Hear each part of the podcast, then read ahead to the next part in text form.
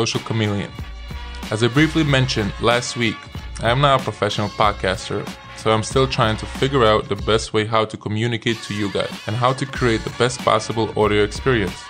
I decided that I would like to talk to many different people and explore why they are successful in what they do and how they see the world in order to provide insight for you. Of course, I will be using basketball as a tool to tell my story. Today on the podcast, we had our first guest, Sævar, who is a professional osteopath, strength coach, and has competed in soccer, fitness, and powerlifting. During the pod, we discussed his journey through different chapters of his life. We asked many questions regarding strength training, injury prevention, and we had a great discussion regarding these and many other topics.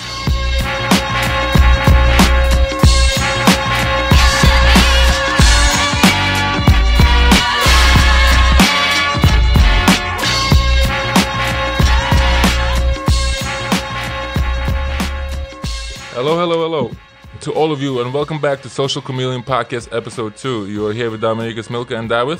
Hi. Uh, I want to say thank you uh, to all the people who reached out to me uh, with the feedback about the podcast. I really appreciate your thoughts and support.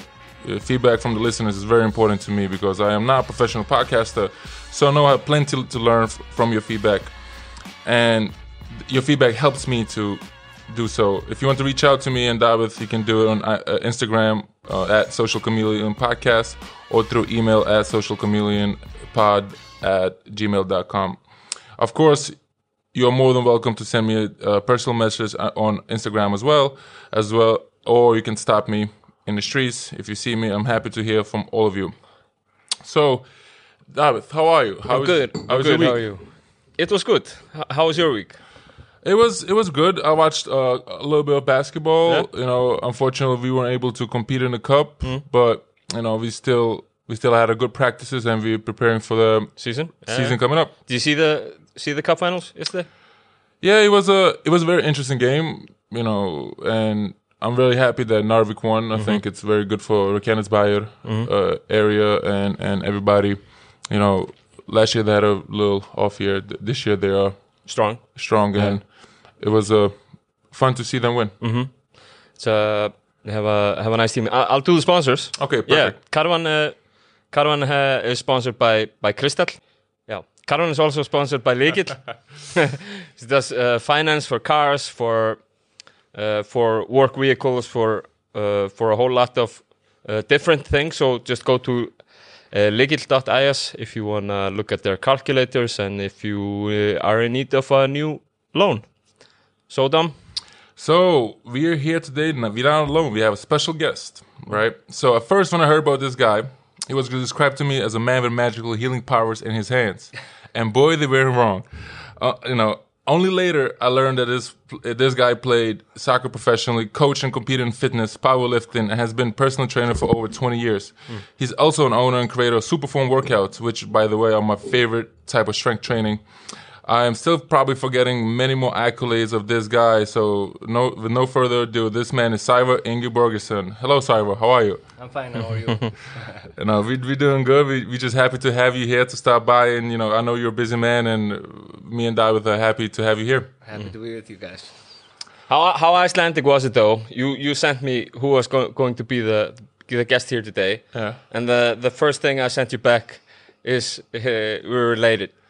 I mean, I feel, I feel like in, in Iceland, like at least fifty percent of people are related some way or another. It's cousins, cousin, uncles, aunts, and everybody everybody know each other. And also, I'm forgetting that Sævar is our newest addition to Keflavik men's basketball coaching staff, and so far it's been tough. You know, he's he's putting us to work, especially in the weight room where he excels, and it's it's it's fun to have him around. Thank you. Um, yeah, it's it's fun to be with the team. It, it's it's different for me, and being an assistant coach, I was like, I'm not too sure about that. I left at Hjalti, but are you serious? And but when he explained what he wanted from me, I, I understood it, and I I'm I'm super. Yeah, I'm I'm looking forward for it. So for me personally, I think this is a big step forward for Keflavik as an organization because my first two years with Keflavik, we didn't really have uh, a guy like Sævar who was responsible for strength training. You know, all the guys uh, did their own thing a little bit. You know, coach was doing his best, but we only have a couple practices. You know, we have short, I mean, we have practices, but last year with really tough schedule, we didn't have enough even practices to do basketball stuff. So, you know, everybody had to do their own strength training. And I think this, this year, so far, Sævar has been taking care of us. And it's- at this point, he even explained to us, it's not about becoming the strongest team ever. It's about injuries. I think injuries are a very bad part of sports. If, if, even though you cannot have sports without injuries, right? Yeah, that's right. And uh, like with strength training for the sport, it's important that you know, of course, you want to make the athlete stronger, uh, bigger, faster, stronger. But the main thing is the sport, and if the athlete get injured, well, then he's not playing. And if he's not playing, then why do the strength training? Uh, even though you can get injured just doing basketball, but during those um, events, all sports are usually a single hand or unilateral sport, which uh, demands more on the one side than, than the other. So we will create a imbalance. So so strength training should also always be about normal, uh, you know, balancing this out first and foremost and uh, with uh, injury prevention uh, in in mind at first, second, and third, then when we reach that, then we should try to progress to strengthen it.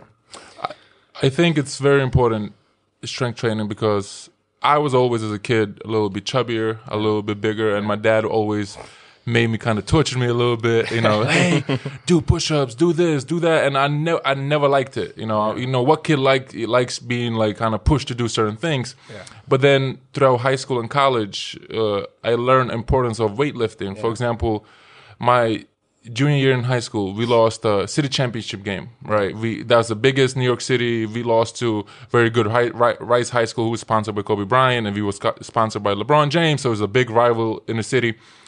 And one thing, you know, our coach said after the game, "Hey guys, you can do three things. You can, you know, cry about it." You can do nothing about it, or you can get in the gym and get better. So literally, the next day after classes, classes ends like three o'clock. The whole team, we were losing only one senior, so all the guys, most of the team were juniors. So we had one more year. You know, where we asked, we asked, "Hey coach, can you open the weight room?" He goes, "For what?" I'm like, "We want to get, we want to get stronger." And you know, we got in the weight room. We did it all summer. We did basketball workouts, weight room workouts, and what happens our senior year? We go. I think we won 26 games, lost five. We won every tournament we could win. We won Brooklyn Queens City Championship and a State Federation Championship, where that hasn't been done in New York City uh, since '89. You know, like for for Christ the King, which has had great players like Lamar Odom, uh, Omar Cook, Speedy Claxton, a lot of NBA uh, uh, caliber players, and we just we weren't the best team. We weren't the best skill team. I would say we had we played teams that went to higher Division One. You know, now a lot of those guys are pros, but we had heart and we had work ethic. I think all of our guys were blue collar work, and one thing that changed all of us weight room. You know, I think that helped us prevent injuries. I think that gave us a little strength, strength training as well. And moving along in college, you know, you never understand how you always hear. I had many uh, trainers in college. Yeah, you need to eat right. You need to work out right. But you don't listen as a kid in college. You want to, you know, you want to party. You're 18, 19. You're not living with your parents anymore. It's it's fun, and you don't understand till later in life. I think, and people like you, Sævar, I think you have a great message and to to kids, but many kids don't listen, right? Yeah. And how do you feel about when kids should start, you know, exercising, weight weight training, or training the you know body weight stuff? What, what is your opinion on that? For me, there's no, I wouldn't say like certain age, but it's more for me. It's more about about the movements than um, the weights. Uh, so for me, as early as possible. But the emphasis when they are young should always the uh, maximizing the the the movements Technique. techniques. So if we are always with a highly sufficient efficient movements, then we are always working towards balance. What I mean is we have a muscle in the in the front and the back on the side and stuff like that. And during sports, like I said before, we're always creating this imbalance. So more strength on the one side that brings up a torsion and stuff like that. But through strength training, the the movement is the most important. So if the kids learn the movements really early, and you don't have to say anything to kids, you just have to do the movements, and they will do it exactly the way that you do it. Uh, And if they do, are not doing it, then you just continue doing the movement with them, and they will pick it up like in a couple of days. It's it's unbelievable to see them change. Because the kids are sponges. Yeah, You know, with anything. yeah. But but with a grown up, you have to like talk about this and this, and they don't. They won't. They need like five, yeah, I- much more time. I think what happens is this. It's when you're a kid or you're a young adult, right? yeah. You are taught to do an exercise, Yeah. maybe improperly. Yeah, and you create a habit, Yeah. right? If you do something over and over and over, you create a habit that comes and, you know it happens to me. You know, you come to me. You, you said it many times when I do a certain exercise, my na- knee caves in. Yeah. Even though I'm like, no, I've been doing it. I'm fine. I've been doing it for many years. It's, I'm fine. No, no, no, Dom, you're not fine. You need to change it. You need to concentrate. And for me, it's much harder at 29 if it was at 19, right? Yeah. That's 10 years of wrong way doing something, even though I'm not getting hurt from it, but I am in a way because I'm not doing it correctly, right? yeah. Mm-hmm.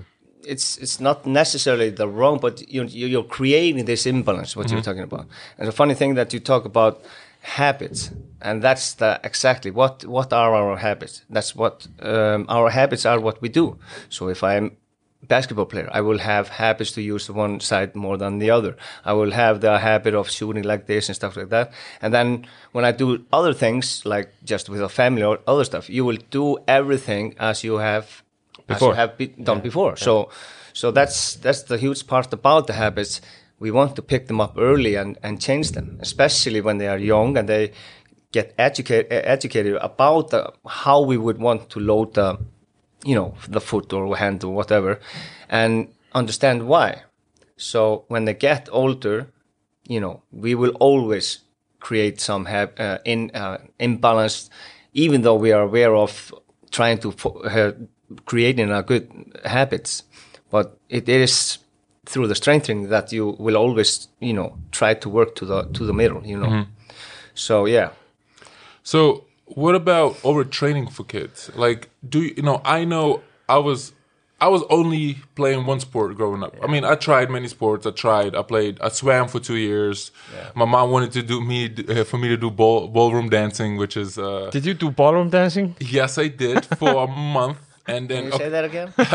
yes, okay. So this leads to a funny, quick, funny story. So my mom always wanted me to be a dancer, but I was always a bigger kid, a little, you know, wider, a little taller. So she signed me up for this ballroom dancing, and you know, I go, I hated it. As I remember, I hated it. Maybe I was eight, nine years old, but I really did not like it because everyone was good at it and I was not good at it. And my mom comes to the first like rehearsal where the parents are invited to, you know, show show off. The teacher's basically showing off what the kids have learned. And mom, she go, she, my mom goes, I walk in to the to the room and I see you're twice as big everybody. Your ankles is as big as some other kids like heads or shoulders. So like, and I saw you start moving and you had no idea what's going on. I go and she goes, my dream went away at that moment. She was really sad that I was not going to be a dancer. So yeah, I did karate for a month. I also did not was not a big fan of karate because you need to be a lot of plasticity. You need to be quick, and I was always the heavier kid. So basketball stuck with me. So I only played one sport. What about kids that I know in in, in the states there are kids that play three, four sports. Same same in Iceland. There's kids that play Yeah. in soccer. They're training, running, and what about overuse at the young age? Can that lead to some type of overtraining and maybe uh, a burning out? Uh, I don't know, but I don't think there is any science behind it. Uh, there's more just um, expert opinion because uh, it would, you know, demand uh, enormous research to, to, to look at it. But I think when uh, kids start to get to the puberty, Yeah. I think then you can develop the overtraining part. Because, yeah, but I think it's good to have a variety of sports in the beginning, but around 14, 13, 14, 15 years old, I think uh, playing many different sports is not me- probably not the best thing. And also, like we have super talented athletes basketball or whatever, playing many, you know, Teams. T, T, uh, yeah, teams, yeah. uh, National age, teams. A- age national groups. teams, and also Yeah. age groups. Yes, They're up going- and down. Yeah, yeah. up mostly. Yeah. and that's I think that is really cautious uh, for the for the parents to because all the coaches want to to have their best players. They want to win all the games, and if that kid is like two ca- um, groups down, they want them there, and then you know you need to iso- uh, protect them. So yeah, But I- we, we see this, especially with. Uh, I mean, the first thing that pops into my mind is is with like uh, younger uh, younger girls yeah, when they turn maybe 15, 16. yeah, They are playing with uh, many age groups yeah, and uh, at the first team as well. Yeah. Maybe a lot of minutes. yeah, See with the with the with the very best players, they are playing for all these groups and maybe playing yeah. playing 30 plus minutes Yeah. every game. And instead of like, okay, if we would move that girl up in one, you know, one uh, age ca- category, don't make her do two or three, then just make her do one and add the strength training. I would much more because if she is talented, she is too good for her own age group. Maybe she needs a, you know, advert- adversity to get, you know, uh, playing for with other girls that are stronger and better than then she will go thr- through that adversity and you know then mm-hmm. later she will get maybe go back to her own group or she will just get better mm-hmm. and then she will excel there then you know But I think, like you nailed it on the head, and earlier you said everyone wants to win at age group. At every age group, they want to win, Yeah. and they don't. They care about the kids, but they don't. In a mm-hmm. way, hey, I'm winning. You know, I won Icelandic national championship U12 because I had a girl that's really good or something, or a boy. But then he wants to play up, and they don't.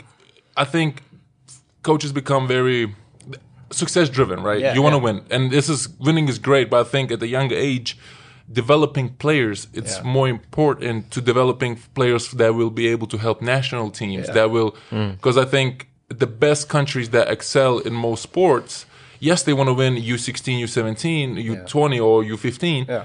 But the idea is, can we create a product? Can we create a player that will be able, at age of 18 or 19 or 20, to join our national team, men national, uh, men's or women's main national team, and can they perform there, right? And with bigger countries, it's a little bit easier because you have bigger talent pool, right? So it's more talented kids. You can split them. But with smaller countries like Iceland, you kind of have you know one or two kids that are really good at the age group, and you kind of make them play three, four, five, you know, maybe games a week, and mm-hmm. then there's no time for strength training because the kid is still has to go to school, mm-hmm. still wants some social life because this is not you know like slave labor like you know like you need to have no, but usually the kids also want it they want to play th- those because they like winning as well. they Yeah, want to, but sometimes, like you say, you have to protect the kid from Yeah. its from itself. Because I, I I I coach some kids as well, like strength training, and some of them come to me like, "Hey, you know, my knees really sore, like hurt." I'm like, "How old are you?" Like twelve. I'm like, "Why are your knees hurting at twelve? Did you fall?" Like, "No, no, I'm just had two practices there already." I'm like, "Oh, that's a lot of practicing," and I'm like, "Hey, like." Take it easy. Like you need to rest time. Oh no, I don't want to rest. I'm like, no, no, no. Rest is important. As an athlete, you know, as a professional athlete myself, I understand. Like after a game, sometimes next day you wake up, like last thing you want to do is go to practice, like because you maybe you fell hard, maybe you're just running for 35 minutes. Is a lot of a lot of effort, a lot of time. You need rest, and Yeah. I think younger kids are not allowed to do that. So my question is, my next question is for you, Sævar. How were you as a kid? Were you in every sport? Were you doing everything, or you know, you concentrated more on soccer, or I played every sport. I was uh, football, handball, basketball, um, badminton. Uh, yeah, so- basketball? What position did you play basketball? I'm guessing not forward. No, I, I was. Uh, yeah, I, I, did- I wasn't good, but I was a really good defender. But with the best, um, good with the basketball, but shooting, pass. Uh, uh, uh, pass first guard. Yeah, yeah, yeah. De- defend and pass first. Yes, and if I would shoot, I'd probably not hit the rim. So yeah, I was terrible in that. So, but I quit the basketball early. Yeah, but I was as small as a kid, but I'm also small today. but that's you know, for my height in those sports that I competed in was a good height because you know, I didn't grow up fast, and that's also a factor that we have to take into uh, con- consideration with kids. Is is that um, Early when we- bloomers versus late Yeah. bloomers, right? we we take a like um, you know a couple of months then we just grow and grow and grow then we stop but when what happens that then is that the bones get bigger and strong really fast the muscle also but the tendon they are quite later getting stronger but they are getting stretched so then we have a load on, the- on the tendons and then they are basketball and a lot of sport and stuff like that. Then they develop you know uh, it's called called Schlatter's disease, and especially in the knees, they can also develop it in um, in the Achilles tendon and also in the hip, and um, that can also, like if it is progressed and it, it gets really bad, then that can also lead to a more uh, future injuries like uh, jumper's knee and stuff like that. So that's what you know. Research suggests that also, but And I, I think, uh, you know, there's always in basketball at least they say the big guys develop later. Yeah. Because it's so hard. Like I was okay. I, I was always the tallest tallest kid in my class, so I never kind of had that. You know, one summer, 15 centimeter growth spurt. I was always a tall kid, so I, I was developing. But like I always remembered. All my like smaller guys, small smaller teammates were like faster, quicker, like, Yeah. and I'm like can barely go up and down because I'm still working on my body. I think, and when you grow a lot quickly, like you said, I think it takes time to even figure out how Yeah. to use your body properly without straining, without even, you know, not falling or tripping over your feet. Yeah. There's always in the movies you see a guy, the kid grows over and the pants are short and he can Yeah. barely move. I, I get a lot of kids in, in my clinic that are doing basketball or football and stuff like that, and and it's all about the alignment when they load the, the foot and stuff like that. And um, usually it's always the hip flexors. So I two uh, it's more than two years ago. I I never wanted to put uh, you know exercises and stretches on kids that are maybe eight, nine, ten years old. But then I was like, they were always coming back. They got better, but you know, two, three, four weeks they were getting worse and worse. Then I started, okay, I'm just gonna test this, and I. The first kid, I, I said, okay, I want you to do this stretch. See, uh, he or she had uh, knee pain, or or or ankle, uh, heel pain, uh, what they call, and um, and I said, you need to do the stretch. And the stretch is the hip flexors. And that's the important, uh, what I'm always focusing on, on, with, with the athlete, because when the hip flexors get, you know, tight, it changes everything down to your toes. So basically, those two, maybe two and a half year, I've done it with all kids that I, that come in and amazingly, and I'm, I'm a little bit surprised by it, 100% they all get better. And they, you know, they, they get, you know, for many months. But as I tell them, then you can go through another growing phase. Then it can develop again.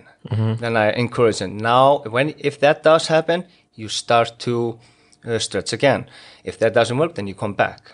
But the the incidents between, you know, uh, treatment. Yeah.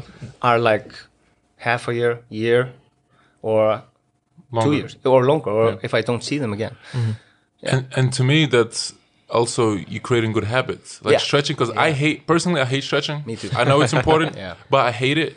And now, like every you know, I was I was taught to stretch. You know, certain stretches are different now, and but I still hate it. But I think creating a habit in young kids are very important. So going back to you, Sævar, like you end up choosing soccer, right? Yeah, actually, uh, I was, you know, I skipped the athlete, athletics, and uh, the badminton and basketball and stuff like that. So I was handball and and, and Handball. football. Okay, what positions do you play in those sports? Uh, uh, right, right corner. Right I'm corner. lefty. Because you were fast. Oh, and Yeah, you're lefty. yeah, Yeah, yeah, yeah, okay, okay. That's like the that's a rare that's a not it's a easier position to compete because there's not as many lefties in you know like uh and and and soccer or football. Yeah, same. Same, okay. left fullback and uh, also on the on the wing, but I was actually much better in handball. But here in Reykjanesbæ, it was it was you know going downwards, and uh, Mm-hmm. I would have to. I was progressing to the national team in the handball, but I had to choose. So go to Reykjavik or or, or pick. So I picked the football. So This is during the 90s, no? Yeah, Yeah. It, was, about when I was 16. When he was uh, young and beautiful, now he's just beautiful. Yeah, But basketball kind of took over Keflavik yeah, in the 90s. yeah. They Was were it? huge then. Yeah. and um, yeah that's the you know my and with the growing pain i didn't have so much but i was always restless with the legs when i went to bed because i was always in pain because i was always uh, practicing but but the question was again uh, the Yeah. why, did you chose soccer? You like why soccer? yeah. it was more like you were excelling and you, and you Yeah, loved it and and, yeah. and so competing to all these sports uh, did you suffer any injuries and and how did that affect you yeah that's the funny thing about my injuries is that they started around 20 uh-huh so i started to break my uh, wrist you broke your wrist first Yeah. Then uh, I broke on the other side. the other wrist Yeah. and then ankle on the other side. And then wrist on the other side. okay And then knee, Okay. knee, knee, knee, knee, knee, and wrist, wrist. so do you have a total number how many injuries or I breaks think did you have it's seven, seven or eight broken legs, and uh, seven knee surgeries, two ankle uh, surgeries because of ankle torn on in, ankle ligament torn. Okay, that is a lot. In, uh, this, this sounded like he, he spoke about a whole basketball team of injuries, or like a whole national team of many sports. That's just the five. That's the, the, the period was just uh, five or seven years. And you had a lot of. How did that f- affect you mentally? For example, I know, like me personally, I haven't dealt with many injuries. Yeah, You know, God forbid, knock on wood. But I know I have teammates that have suffered through some injuries, and that can affect you, you know, physically, especially Yeah. uh, mentally as well. Yeah, how did how did you deal dealt with that? How how was that? the thing is, at least then you know the physio part or strength training part, part was you know it wasn't. It wasn't good. No, yeah, it wasn't I existent. mean, I played. Uh, I'm, I mean, after knee, one knee surgery, I played one month later. So, and that's the when I should should have started, you know, training. yeah, rehab. Yeah. Yeah, it was mentally tough. Yeah, definitely because it always going down and down. Always when you start to play, it, something happened. And uh, Because was it mostly because, like you said, you didn't get enough right advice and right uh, re- Rehabilitation, rehabilitation, yeah. rehab, Yeah. and I think it's much easier once you have a injury and just say you have a surgery and if you don't uh, rehab correctly, it's much easier to get hurt again or. In the same part, or like for you, is it right, left, right, left? Yeah. It's the thing the- that we spoke earlier Yeah. about. Is the importance on on uh, on Balance. On balance. And Yeah, uh, that's the thing that I was going to talk about. The, that's the, you know, always left, right, left, right, left, right. So you start to think why, uh, and I didn't think about that until much later after the car- career, and then, okay, of course, I broke the left side, so I turned on the on the right side. you mm. compensate, right? Compensate, If you have something Always. going on, like a pain or something that, if even your muscle, right? If Yeah. from one, from what my understanding is, even if your muscle, just say, it's not developed on the left side because you're, you know, it's that left side is weaker, Yeah. you'll tend to compensate with the other side more, and that could lead to chronic injuries Yeah. through overuse of the same muscle or compensating. And then, and then you're like, hey, why is this hurting me? Like, yeah, it's not. That, but like, okay, why are you fixing my right side even Yeah, though yeah. it's left side is Yeah, hurting? yeah, yeah. Because is that because you are doing something wrong, overuse? So So we, we want to take out the torsion so you don't, uh, so that you aren't always, you know, compensating. You know. So, do the in, did the injuries that you sustain and all the and the lack of rehabilitation did that lead into your career as a osteopath? It, was that one of the things why you chose uh, going that path because you kind of realized there's a missing path, there's missing, you know, training slash you know osteopathing. Uh, basically first i was like you know you get weaker because you don't have any rehabilitation and you're always off you're not training then you get slower and i had and my one of my attributes was i was really fast and i also was very aggressive you know you start everything goes down so mentally you know you start to lose faith in yourself and you see like hey how is this guy the same speed as I. So I used so to every- kill him. Yeah, yeah, yeah. I yeah. used to beat him twice, and now he's beating me. Like, well, how is this possible? And by the way, I never had that. Never had that issue. I'm Yeah. always the slowest guy on the court, so never had that issue. But then, then uh, because I have always been, you know, strength training, even though in in that era when I was playing football, uh, probably not with man, a good advice and stuff like it was more like just doing it your, doing it yourself and stuff.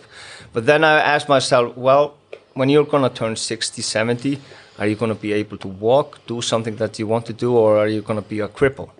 So that's why about 27 I, I decided to stop playing football. And then I and the obvious thing I I wasn't finished with competing. That that drive was really high. Y- your mental drive Yeah. was there. It was Yeah, just the to- to- body. You yeah. realize, hey, like soccer is isn't the injuries and isn't what I'm gonna excel because now Yeah. all these injuries are taking toll on my body. But the drive to compete was still Yeah. there. Then I turned into uh, to the strength training and the personal training. Okay. And from there I got to know two guys that was o- they were osteopaths, Uh-huh. and I was like, this is something that I want to Okay. Did you have the aha moment? Like you know how they always say, "Hey, Mm. Yeah. at that moment, I realized I wanted to do." uh, it. basically because uh, he was uh, his name is Peter, the father of uh, father of uh, Magnus that is playing for the team now. He, unfortunately, he's, he has passed now, but he was a good friend of mine, and, and he he came to me. He was a really funny guy, and uh, and he uh, he asked me to train him and another patient of him, and I was like, yeah, he was like a goofy guy. I was like not taking him seriously, and then then I started with them, and he noticed something, and and, uh, and he wanted to treat me, and I I went to treatment with him, and and after the treatment, there was so hu- an enormous change, like just you know, uh, energy, you know, feeling better in the body, da la la la la la, and um, yeah, and that's what I was like. I need to. I want this. And so, what is osteopath? Like, what is it, and how is it beneficial? Like, okay, give a. Uh, I know you can go probably in a, a forty-five minute rant, not rant, but like you know explanation. But go Basically, yeah. Basic, synopsis, Yeah. yes. Just to um, osteopathy isn't like a treatment system. It's more philosophy of, about the body. So in in for four years, you're always getting deeper and deeper, and deeper into the body. You know, knowledge wise, down to the you know cell, down to cells. But not only that, but also connecting all the body parts. You know, theoretically.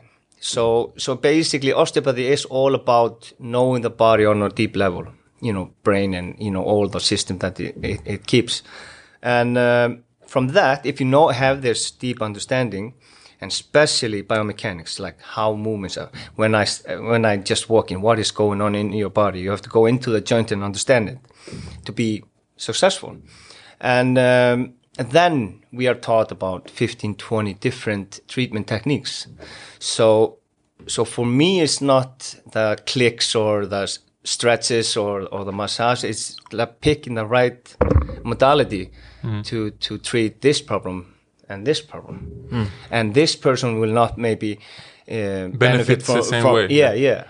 Even though they have the same pro- problem, maybe this this person has uh, is hypermobile, so you don't want to click her. Because- every person is different, every Yeah, body yeah, type is different, and so when I think of osteopath, I, I, be, I think of it because I know your body works through nerves and neurons, right? You get a just say in order to move, you your your brain gives you Signals. a signal to do something, right? Yeah. So when there is an issue somewhere in the chain of the nerve, uh, the nerve uh, signal, your body says, "Hey, okay, we cannot go through that pathway. Let's shut it," and then uses a different route to go around it. So now that's where the pain and the kind of some of the injury, not injuries, but like the pain comes from because your body is not fully functioning how it should be. Yeah. And I, I, oste- oste- osteopaths kind of trying to find that uh, missing link and click it back in place, kind of. So now your your neurons and everything can fire the correct way. Is that something along Yeah. those lines? to sum it up, is is more like um, let's say that somebody has an ankle problem, and uh, for me it's like then I ask what happened. Nothing. It just started. So there is no trauma. There is no sudden in- onset of pain and stuff like No that. No injury. It- yeah, no injury. It's just progressive. Um, then that makes me think why, and why is the ankle so important to focus on? That He didn't get any trauma. What are the big joints? How do I move my feet? It's the hip muscles. So many injuries, and one one of our teammates, he actually had this in the, in the ankle, and and I treated him, and uh, he was like, "It's my ankle, not my hip," and I was like, "No, it's in your hip," and I treated him, and then he stood up and he was like, "No, get the fuck out of here." yeah, I have a I have a very interesting similar story to this. When I played in Japan, I played in Hiroshima, and our owner of the the team was a really good big time doctor. He had like a four or five clinics, right? Yeah, and we had a we had a a trainer, like a little kind kind of probably smaller than you. no, okay. He's a, he's a, he's a little guy, Japanese. Yeah, he's and you know I'm like yeah, you know I have a you know my lower back is a little bit tight. He goes, he didn't speak much English, and he tells me, okay, you here, you just lay down. I'm laying down, and he started like pressing on my feet, like Yeah. pressing certain but like buttons, uh, certain Yeah, yeah, spots. Yeah. And I'm like in my head, like this is really painful. Like, but what is he doing? And and then he go and he was a little guy, so he puts in his elbow and it gets so deep you kind of want to like tear up in your eyes. It's Yeah. really painful. And then like five or ten minutes later, he goes, "Okay, stand up." And how's your back? You get up and you're like, "Wow, like he, wow, this is perfect. This, I, I'm back to 100." percent Even though he never touched a single thing in my lower back or anywhere where the pain was, he's just able to find a spot because like you were saying i think I, i'm not sure what was his uh, educational level as an Yeah. osteopath but it's one of those stories where like you said you don't know what's going on Yeah. like you press a button on your body and next thing you know hey i'm 100% he- healed Yeah, that's that's the thing with research and uh, Western medicine is that if you don't have any evidence, it's crap. But is that only evidence that we have, or do we also have evidence like um, thousands of years of yeah, certain things or like thousands of people that have benefited from that kind of a treatment or Mm. whatever? that's also uh, evidence. But Yeah, I'm a big believer. So for those people who watch me play, probably once in a while you see like cupping. You see like Yeah, these yeah, big, yeah. like uh, round bruises on my back, and people reach out like, "What? What is that? Like, what are you doing to yourself? Like, what happened? Who beat you up?" I'm like, "Oh, this is cupping." Hey, I'm, they're like, "What is cupping?" I'm like, "This is an Eastern uh, procedure that they've been doing for thousands of years, and many people."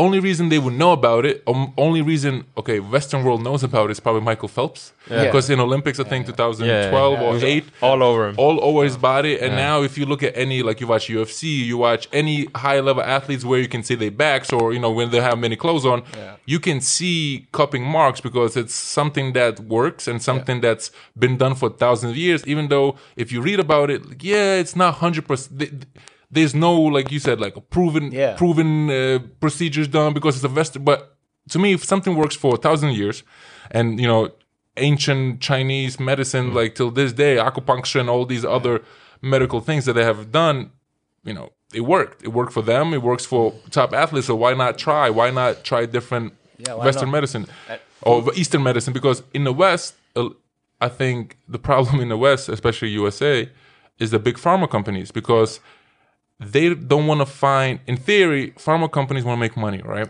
So not in theory they do want to make money. Yeah.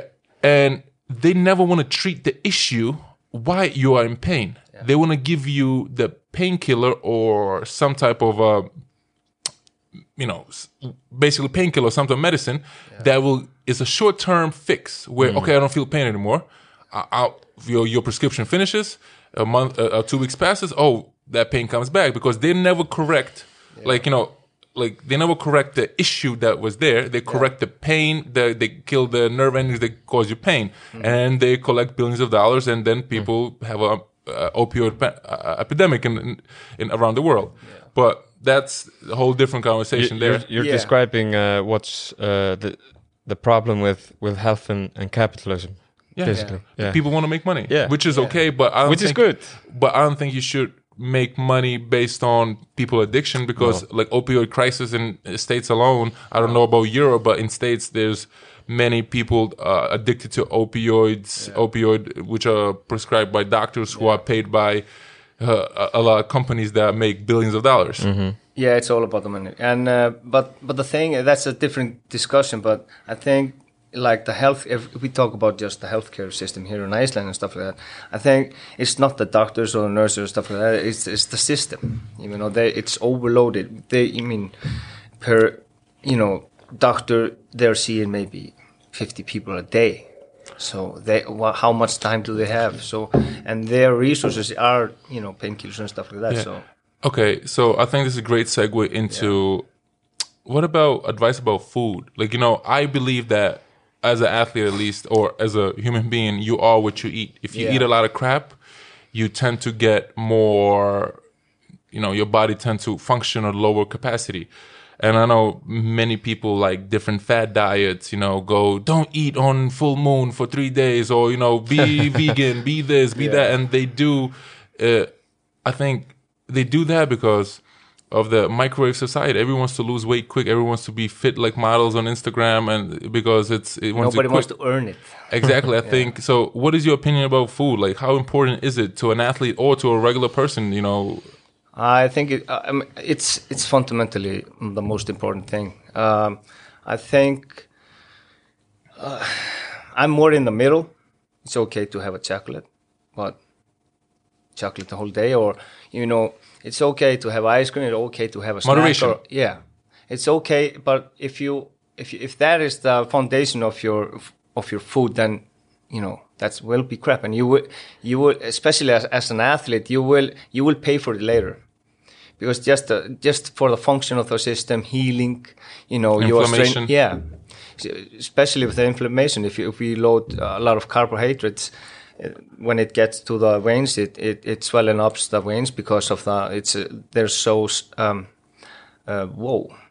Uh, the no, no, I'm just remembering that you know the carbohydrates hydrates they are they are they are Big big and yeah. yeah. and gross Yes. and so they they uh, up. scratch up the veins and then it, it creates an inflammation that will go through all the body and I think sugar. I think sugar is one of the biggest problems in the Western uh, Yeah. diet. yeah and also because there has been so much talk about it the company starts to you know decrease it but they increase the fat intake so that's i mean uh, that we are beginning to go back to the uh, the fat as, yeah, as there's an a enemy. there's a great documentary. Yeah. It's called. Uh, I watched it. That, okay, one of the first things, one of the first uh, times I learned about eating right, even though I heard in college, I heard it all the time. My trainer saying, "Hey, Dom, eat better, eat this." And but like I said, as a young adult, you know, you're partying, going out, Yeah, drinking a little bit, eating pizza at two, three in the morning,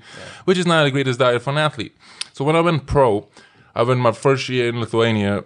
You know, I'm playing. I'm out of college. I'm thinking I'm pretty good shape. I'm playing, and and I see these guys that I'm go- gonna con- compete against. These you know Lithuanian national team players who played all over Europe, all over the world uh, of age 36, 37, you know, some of them were even 40 years old. And uh, in tip top shape and running faster than me, jumping higher than me, being more physical, be able to play more minutes and not even, you know, and one of the things I learned that, yeah, you know, I'm I'm a very inquisitive person and I always I'm okay asking questions. And I you know before the game or after the game will come hey like how come how come can you sustain a 20 year career without Yeah. you know like still playing at 37 years old and they're like hey diet you know invest in your body. You put it's, it's like a the best analogy i can give it's like if you buy a regular car you're gonna put a regular gas in it right? Like you're gonna but if you buy a ferrari you're not gonna put a regular gas. You put the best gas the premium in the states is called premium gas because if you put regular gas it's gonna mess up the engine. So your body is like an engine. Your body is uh, a machine right? It's a well-oiled machine. It's one of the most amazing things the way human body works is but it's what you put in it. If you put a lot of crap it's gonna work like crap. It's gonna have you know a lot of obesity. Like one of the things that we in, at least in the states one of the issues is obesity. Children obesity and that leads into type 2 diabetes and into other health issues where you know and and covid kind of showed that most people that were affected with covid had a lot of obesity issues had a lot of other uh if you're a healthy individual for most cases you would oh, do no better in with covid situations while you had other uh issues that maybe from your dietary uh, intake or something that led into yeah more issues with COVID. that that's that's the that's the thing with the diet is that we can't put our finger on it because the young athletes they're like uh, you know putting all the calories ke- going to KFC Domino's stuff like that And they're they fine. need the calories and they're fine I'm I'm, I'm fine I'm fine I'm I'm not getting gaining fat, uh, fat or anything and and um, why, why shouldn't I eat it? Then, then I think what where we, we see it is like you talked about earlier with Logi and and Hussey. Yeah. I know Logi that he takes care of nutrition. I know Hussey does it also. Yeah. So that's why they w- will uh, Logi at least is uh, now 40. 40 years old, He's still playing and At a high level. yeah, high level. I, I think his body hurts. I think so, but but he he's up there and uh, and he's performing. And you can also and that that were, were when we come to the uh, where the big money is NBA. Yeah. Or, Look, uh, LeBron James, 38 years Yeah, old. 18 years in the uh, game. Yeah, Still the best player. football, Yeah, like football, you see Ronaldo, Ronaldo, Ronaldo. and stuff. Yeah, yeah. all those guys. You know, you you see there there's thirty something and they look like 20 mm-hmm. You don't do that eating, you know, crap. Crap. And I think the hardest part of that whole thing is is the discipline and sacrifice, right? And and also what I want to add to it is that if you are young, eating not e- eating sufficiently and and you know maximizing your effort, then it's okay until 25 until 25. But I think finally it will catch up when hmm. you're 28, 30. Then you will you know, you don't notice it because you don't think about it, but it will happen then. And I think, and the thing happens a lot of like uh, kids where they just say, you know, you don't make it to the professional level, but and they, but you know, at 18, 20, you stop playing, Yeah. and you start, you know, you you still eat the same, you have bad habits of eating, Yeah. and you start gaining weight, and oh my god, I'm getting fat. I'm like, yeah, like you start moving, you stop playing, practicing, Yeah. you know, five, six times a week playing a game, and you need to you need to work out. And going back to my uh, former point before uh, I was saying you need discipline and sacrifice. You know, sometimes I want, you know, sometimes everyone wants to eat ice cream, you know, for dinner, but you some, and you know, if you have a game tomorrow, like for me, like I won't, I won't eat certain things. I won't have certain, you know, alcoholic beverages, for example. yeah, you know, sometimes it's nice to have a beer or two, Yeah. but I know if I'm in season, I know I have a big game tomorrow. That's that's a no no because I know it might not affect me, but what if it does? You know, I always think about it. What if that one step that I need, maybe I cramp up because I didn't drink enough water Yeah. and I had, you know, a, a beer or two, Yeah, yeah. and that leads me into water discussion. Discussion, you know. I think a lot of people think they drink enough water and they, oh my God, look at me, I'm drinking three or four cups of uh, water a day, I'm doing so great. And you as a professional trainer, like, what is your recommendation about water intake? Like, how important is water for, you know, daily uh, functioning? Yeah, it's it's uh, there are so many strategies, especially if we talk about uh, sports uh, with an individual athlete. Uh, it depends on the athlete how how much he is trained and stuff like like that. But usually, I would always say if your urine is always you know Dark? dark. If it is dark, then you're not drinking uh, enough. If you have a dry mouth, if um, it's you, it's normal that you have a little bit, you know, yellow in the morning, but after that you shouldn't have. So that's the the big cue if you if you should be if you are drinking enough or not. But then we, if we talk about then strategy through the practices and uh, and uh, and before games, it's all about a habit. You don't you don't get hydrated on game day. You you get hydrated Day before. day before or a couple of days before, and when you reach game day, you are hydrated, so you're just main, maintaining hydration instead of like trying to uh, rehydrate. Yeah. So, and that you, you don't do that only by um, drinking water. You need minerals. So, fruits, mineral uh, drinks, and stuff like that, but also, you know, food.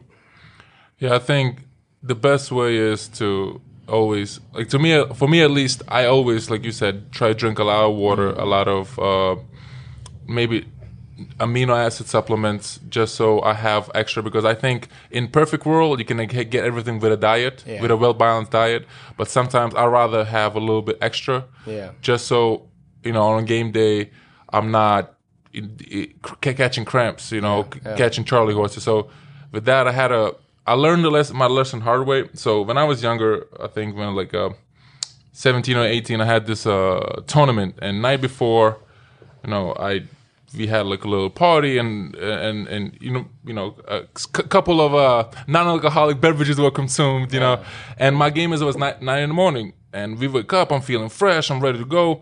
First half, I think I have like 25 or 30 points, Yeah. and I'm I'm feeling good, and second half I start cramping. I'm running every step I take, I lift my leg off the floor, I feel my calf cramp up and I put it down, it goes away. So every, for the next half, I was I was like, okay, get water, water, call a timeout.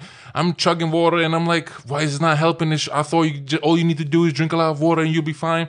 So whole second half, I think I only had like eight or seven, uh, eight or six points because every time I moved or jumped, I felt my both calves cramp up really hard. And I was still able to play on it. Probably wasn't the smartest idea at the time, but you know, I was young and not so smart. and but since then, I always make sure, hey, make sure you hydrate, make sure you eat enough, uh, even day before, because you need some car- car- carbohydrates. Because I think energy, because you never know.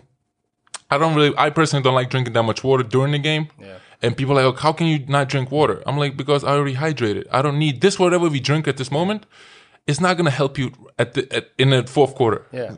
It It's like what, what what we talked about last season. You know, if you feel like you're you're chugging too much in in the in the timeouts and stuff like that, then maybe you are not Yeah. hydrated when the game started. Exactly. So for me, I just take uh, maybe uh, two or three sips dur- during the game, just so my mouth isn't dry yeah, sometimes. Because yeah. from running, yelling, talking, you know, there's a lot of, you know, my mouth my mouth gets dried that way. So, and I have I have seen teammates literally cannot finish the games or can't even start the games because they start catching cramps and because they are too dehydrated. Yeah. So I know I mentioned earlier uh, about uh, Superform. I, I think. Uh, okay, can you gi- can you give us a little bit? What is Superform and and So basically, I started it 2011 or 12. Ten years. Yeah. Yeah. I I was because I've been this in this industry so, so for so long time, and I watched as a personal trainer, uh, group trainers train with their clients and stuff like that. And I always I, I'm allergic to bad movements, so I hate it. I, I really it's it so bothers me a lot. Yeah, and uh, and I hated always seeing people doing insufficient movements because I know they are only increasing this imbalance. So when I started, I, I, I wrote something down like uh, what I want to achieve. So basically, I want to correct everybody. So um, that was my first. Then the next was, you know, you have to get your get the people over to, to be able to, to correct them. So it has to be fun, and then you have to have a variety. And then the, the the next thing was the social factor if it if it grows. So when I started it, I had 30 people, and I was half of the time I was just stopping the, the session and not yelling. I was kind because they're not athletes; they're paying me for for being a, a you know a, a, oh yeah, and he's not kind during practices. He yells and pushes us really hard. Sometimes you want to say certain things back, but now he's a coach, so you can't say nothing back. No, no. and yeah, and but it was a risk. I didn't know how people would respond because I was taking all the weights away from them. Okay, do it body weight, do it slowly, uh, just focus on the movement, and when you you are there, then you can slowly progress the uh, the weights. Because I was trying to tell people you will only injure yourself, and some people come in because they have some problems and they want to fix it that doesn't happen unless you change something. So only thing that will happen if you go to the gym, you will hurt you more because you just o- start to overload. And uh, after two weeks or a couple of weeks, the people started to come in afterwards the, the session uh, and saying, "I've never seen this before. Like, like I'm so grateful. I've ne- nobody has corrected me that much." And I thought I was just a boring guy, you know, bullying people to do something that it was boring. But then it started to grow, and I see the people that they were really happy with it. So that's how it started to grow. and for me, it's like I want to. It's a, it's a group training, but I want more um, strength training in the instead of like only Cardio. You know, cardio. Um, Yeah, if if if that is a good enough answer. Okay, so to me, superform is what is called HIIT training, right? High interval, Yeah. intense, high intensity interval training. training, yeah. So I discovered this type of training also uh, uh, 2015 or 16. One of my college t- uh, teammates, uh, he's a head trainer in Albany, New York, at a HIIT training gym as well. Yeah. And to me, it's a best place for people to work out who have no prior knowledge of Yeah. weightlifting Yeah. Or who feel weight room is intimidating because many athletes okay if i'm an athlete i had some type of training i have basic knowledge i can go in a weight a strength i can go in a weight room and figure out how to get a workout Yeah, right yeah. but if i'm a a person who wants to be healthy, right? And I never got into weight room, never got real training. So if I go in and start trying to squat improperly, I'm gonna get hurt. I'm gonna get injured. Uh, and I think these type of uh, places like Superform and with the right uh, instruction, with the right trainers, I think it, it takes away the intimidation factor because it's 30, 30 40 people. Yeah. You have music going, and you know most of the people feel embarrassed in the gym. Yeah. Because oh, everybody's looking at me. Yeah, yeah. Trust me, at Superform or any HIIT training gym, nobody's looking at you because everybody's slowly dying in their head and hating every minute while enjoying every minute as well. It's a double feeling. And for me personally, there is nothing worse than when you're in a Superform and you dying and you look over and there's a 45 year old woman killing the exercise that you're doing and you feel as an athlete like oh my god i am weak and i need to get to her level. And she looks back at you and laughs and just and that's the type of atmosphere that i like. And it- like you said it becomes a becomes a a team. Yeah. you know everybody's coming in. I had you know i do certain movements well and some movements i'm not good at. And Yeah. You know sometimes a trainer that leads the class fixes you or sometimes the person who's been there for two or three years Yeah. and he knows how to do it Yeah. comes hey dom quickly you do, do doing this wrong this will be benefit you more and and they do it and i think that's the beauty of superform to me is that it's a community and Yeah. people enjoy slowly hating you and, Yeah. and, and the train and the workout Funny that you you say that because um, when uh, I started on my own, then I started to get more trainers with me and help me, and uh, I taught them, and uh, I said I want to do it by uh, like this. We need, we all need to be on the same track, so we are all, you know, pushing the wagon on the uh, uh, same direction. And I always said we want to be lazy coaches and I, I- just a figure of spe- speaking because and i said when a new person comes inside we want that month she will be there. We want to you know tackle her every single practice. And we want to push her to do everything right. Because then later i don't have to focus too much on it. Okay i'm always watching them but i have put some foundation there. Positive habits. Yeah, positive habits. And then I told them when we have a community and 80% are moving really, you know, correct, um, efficiently, then the new person, my job get even easier because not only I don't have to correct as much, because we all move. We see some somebody uh, go to a class. I want to move uh, like everybody is doing. So people tend to like the kids. You, you just have to follow, uh, do the movement that they will do it, and then people start to, you know, correct themselves, and also the teammates. Like like we talked about as a group. Maybe the person next to you, yeah, you should- do that, and there we all start to help each other. That's that's basically the the, the com- community in in Superform is.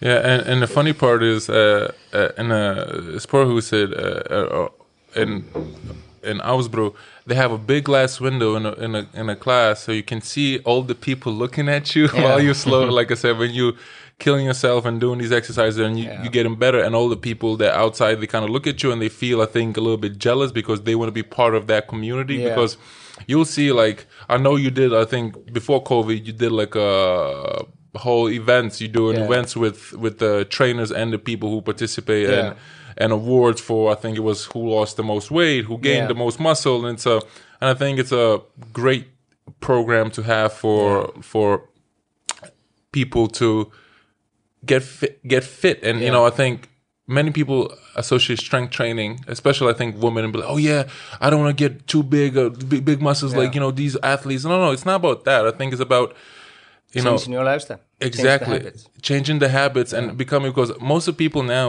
work in sedentary jobs. You know we sit we for eight to ten hours a day. All day. all day. And then if you have kids you kind of get home and you try trying to you know turn on the tv for them so you could sit down a little bit more so you Yeah. can relax because you know you want to have your beer you want to have your you know dinner. Mm. and i think that's where from now on, if you don't move a certain way you lose and then you start compensating other ways. And i think strength training to me for example is about lifestyle. You become a, a lifestyle you become addicted to the pushing yourself a little Yeah. bit. And hey to, yeah, yesterday i could do 20 push-ups. Hey a week later i can do 25 oh look at this Yeah. improvement. That's a 25% improvement and you Yeah. get better and better.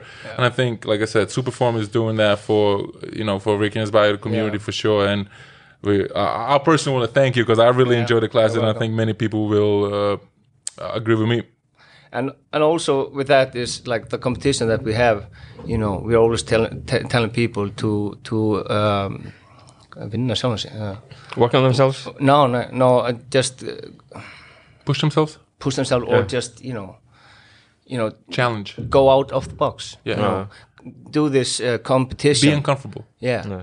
And uh, and then people didn't want to do it then one did it and then they said oh i pu- almost puked but it was amazing. And they, they get so much you know self you know proud. They get proud and stuff like that.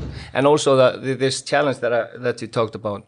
The challenge is you know it's a fat competition. We can you know talk about that. But the whole time the challenge is not during the challenge. The challenge starts after the challenge. Exactly. Everybody can do it it's for life changing and uh, and those 12 weeks i'm just pounding on.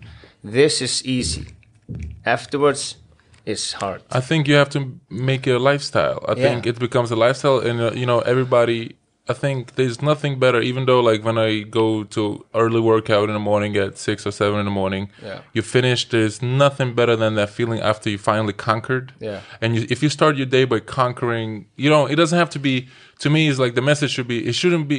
It's not like oh, doing, you know, ten mile run. No, no. Start with you know, uh, two hundred meters. Yeah. You know, because everybody everybody has their story. Everybody has their uh, journey, you know, and I I think the started the hardest part is to start, and I think you you can just get better.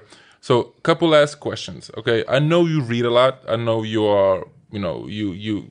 When I did my research, you said uh, when you, when I was doing my research about you, you you were saying you read ten to twenty hours a, a, a week or, or more.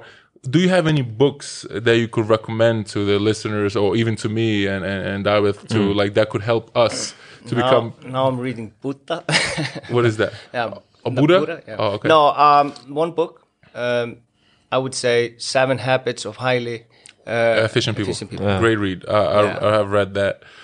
Yeah, and I think one of my uh, favorite uh, books that I read, how to cha- it changed my lifestyle or my mindset a little bit, is Yeah.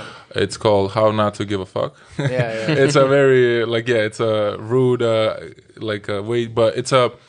He kind of talks about how you shouldn't stress about things you can't control. Yeah. You know, like why I'm stressing. change those things that you can't control. Exactly. Why I'm stressing about if it's sunny or not sunny. Hey, Yeah. just dress better. You know, I think so much energy goes into things that we can't change if you're gonna be bummed about it then you're the only one that will affect by it so. And yeah, and the last question. You know, I know you have achieved so much throughout your career, and and you know, you every day you try and get better at Wow. your profession. Like, what motivates you? Like, what what is what is that? What is what is your why? Like, why do you do what you do? Why are you you know? Um, funny thing. I, I don't know. I should talk about it. I'm all and now after I start st- stop competing. Um, then uh, the super form and, and you know there was a drive there. Then um, then I went to osteopathy and you know a lot of drive there. And after you know for me it's like today is I'm I'm thinking about my you will laugh my eulogy. Or your eulogy, how Yeah. people rem- remember you. How when I when I go to the grave, I want to predict. I want to I want to predict what will be said about me, Yeah. and uh, that's the it's it's deeper than just you know you know what I mean. Yeah. But I I try to you know I want to when I leave this I want things to be said, hopefully if I deserve it of Yeah. course, but it's on me to you know Yeah, I think like I kind of live a little bit uh, similar to that. Yeah. I think like people, oh, you know, people come to me like, oh, you're such a good basketball player, this and that. I'm like, I'm not even worried uh, how good I am on basketball, how bad I am, Yeah. because that's just opinion. I just want to treat people Yeah. so they remember. I think people. 10, 20 years from now, people won't remember, you know, I don't want to be remembered, oh, Dom is a good basketball player, but an asshole. I want to be remembered, Dom was okay at basketball, I- but he was, good- better, good be- better person, Yeah. better, you know, he, he took his time to, Yeah. you know, do certain things for people and talk to the fans, talk to the people. I think, because I, I believe is how you treat people. Yeah. It's important, not like, you know, oh my God, I have this much money or doing this. It's like how you treat Yeah. people. And, and I was always taught, you know, my college coach told me, you should treat uh, treat uh, CEO, uh, janitor of a company the same way you treat a CEO of a company yeah. with respect. And I think if if you can do that, if you could achieve that, you can be a good human being. Yeah. We have a we have a great comparison in basketball about about a player who is probably one of the twenty or thirty best of all time, who was uh, who was an asshole, and that's why he always gets left out of the discussion. Uh, Bill Simmons wrote a piece on him. Uh, Rick Barry, who played for, played for I think Gold State Warriors, won a won a championship there, and he always gets left out of every every all time list and everything because he did not he, he wasn't a nice person. Yeah. the middle middle point in the discussion when we come down down to it doesn't matter where it is, you know, sleeping, uh, nutrition, whatever, training. It's all about habits. I mean, people uh, that have problem with overweight, uh, overweight or whatever, it doesn't have it does doesn't have anything to do with the food. It's just creating your, your bad habits, and that's much deeper to go into. That's like um, the happy hormones and what you were taught as a child and stuff like that.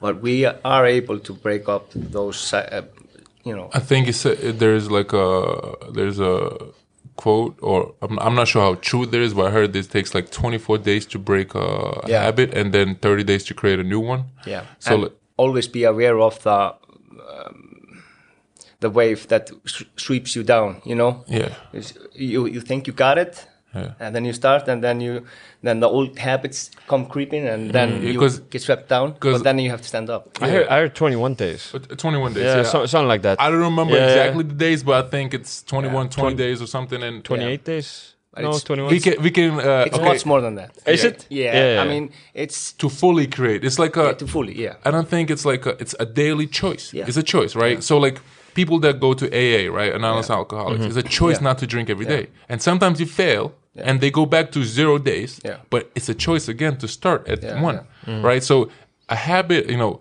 every day to wake up and do something. Yeah. Positive for you, it's a choice. Yeah, yeah, but didn't have enough sleep. I'm like, mm, you don't need like six, seven hours. You don't Yeah. need twelve. No. And some people, you know, do that and spending. There's a lot of successful people that sleep four or five hours a day. I'm not saying that's healthier or not, but they choose to sacrifice something, choose to commit to uh, a lifestyle, choose to is a choice. Every time, every day, we make hundreds of choices, Yeah. if not thousands of choices Yeah. per week or per month, and it's, it can be as little as, hey, do I really want the extra scoop of ice cream? Maybe two is enough. Mm-hmm. Yeah. Maybe, hey, do I want a Pepsi? Can, is it water enough? And it's uh, choices, and I think I think this is a great spot to end for the day. And I would like to, you know, thank Sævar for stopping by and giving us uh, in-depth knowledge of, of his life and his knowledge of on fitness and and My pleasure. and and, and everything that he we spoke about. I think this is a great great conversation, and hopefully in the future we can have you back and continue with some of the points that we touched today. Yeah. Look, looking forward to post game interviews with Kepler. Oh, yeah. next season. Yeah. we get we get uh, Cy- uh, Cyrus. Miguel Sauer. It'll be like uh, a question will be like, so why is Dom not playing? The, you know, missing something. Because he had hot dogs. Yeah, like he he, he didn't eat well. I made him do push-ups, but he wasn't doing them well. You know, Hot dogs the whole week. Yeah, especially because Hjalti, he, he he loves interviews. Well, No, he doesn't. our Oh, coach looks so miserable when he does interviews. I have I have one question. Can I ask? Mm, yeah. yeah. Uh, I was just wondering about last season. I mean, we had a pretty, uh, I mean, a, a lot more games in a condensed time, uh, on, only like two and a half months or something. But then we are going back to one game a week this season for the for the first teams. Uh, was it too much to play last season? Like two, three weeks a game? Because I, think- know Dom has told me he played how many games your rookie season or Or In- the season after in- this? in 60, 70? Yeah, 60, 70 games. But like, But do you think Icelandic basketball could play more games? Yeah, I think so. Yeah? But, yeah. I think it should be more games in my opinion because, like I said, I had we would have seasons where we play three games in a week. We play, for example, when I was in Estonia, we played domestically Yeah. in Estonian league on a Saturday or Sunday. Then we played play the Champions League qualifier. So we will play. We would fly on Tuesday to just say Denmark. We play Wednesday, fly back Thursday. Friday we have a light practice, and then Saturday we play again. That's three games within seven days. And yes, it takes a toll on your body. Yes, you need to, and of course practices like there. Our practices there. We had two physio physio people, and each practice would start with 20 to 30 minute warm up with a physio, right? And it's no bas- some basketball drill, but it's more like about uh, strengthening certain things, working on your imbalances. And then each practice will end with 20 minutes of cool down period and more stretching, more of that. So out of two hour practice, we will have around 50 to an hour of not basketball related stuff, but the, the stuff that's very important. yeah. And then, you know, we, we had a great guy, also another small guy. Why why all these uh, strength coaches are really t- like smaller people, like Pep, who is a I think world uh, record holder for powerlifting. He's like oh, above fifty. He's like a he, we would do strength training as well, like from deadlifts, from cleans to a lot of strength, and we would have periods where they forced us basically take creatine and take a certain supplements to strengthen. We would have a low, uh, load periods where we, we call charge the battery. So if, you, if you don't have games like preseason, especially if you don't have that many games, so we charge the battery. We do outside runs. We do a lot of strength training to prepare for that that mm-hmm. tough periods of three games in a week. So you need to prepare the battery because if you come in with empty battery and you have three games, guess what happens? You are compensating somewhere else and your battery is empty already so now you're not going to perform mm-hmm. then uh, you know then you're going to have a higher chance of injury mm-hmm. you know and non-performing is already bad but injury is even worse Yeah.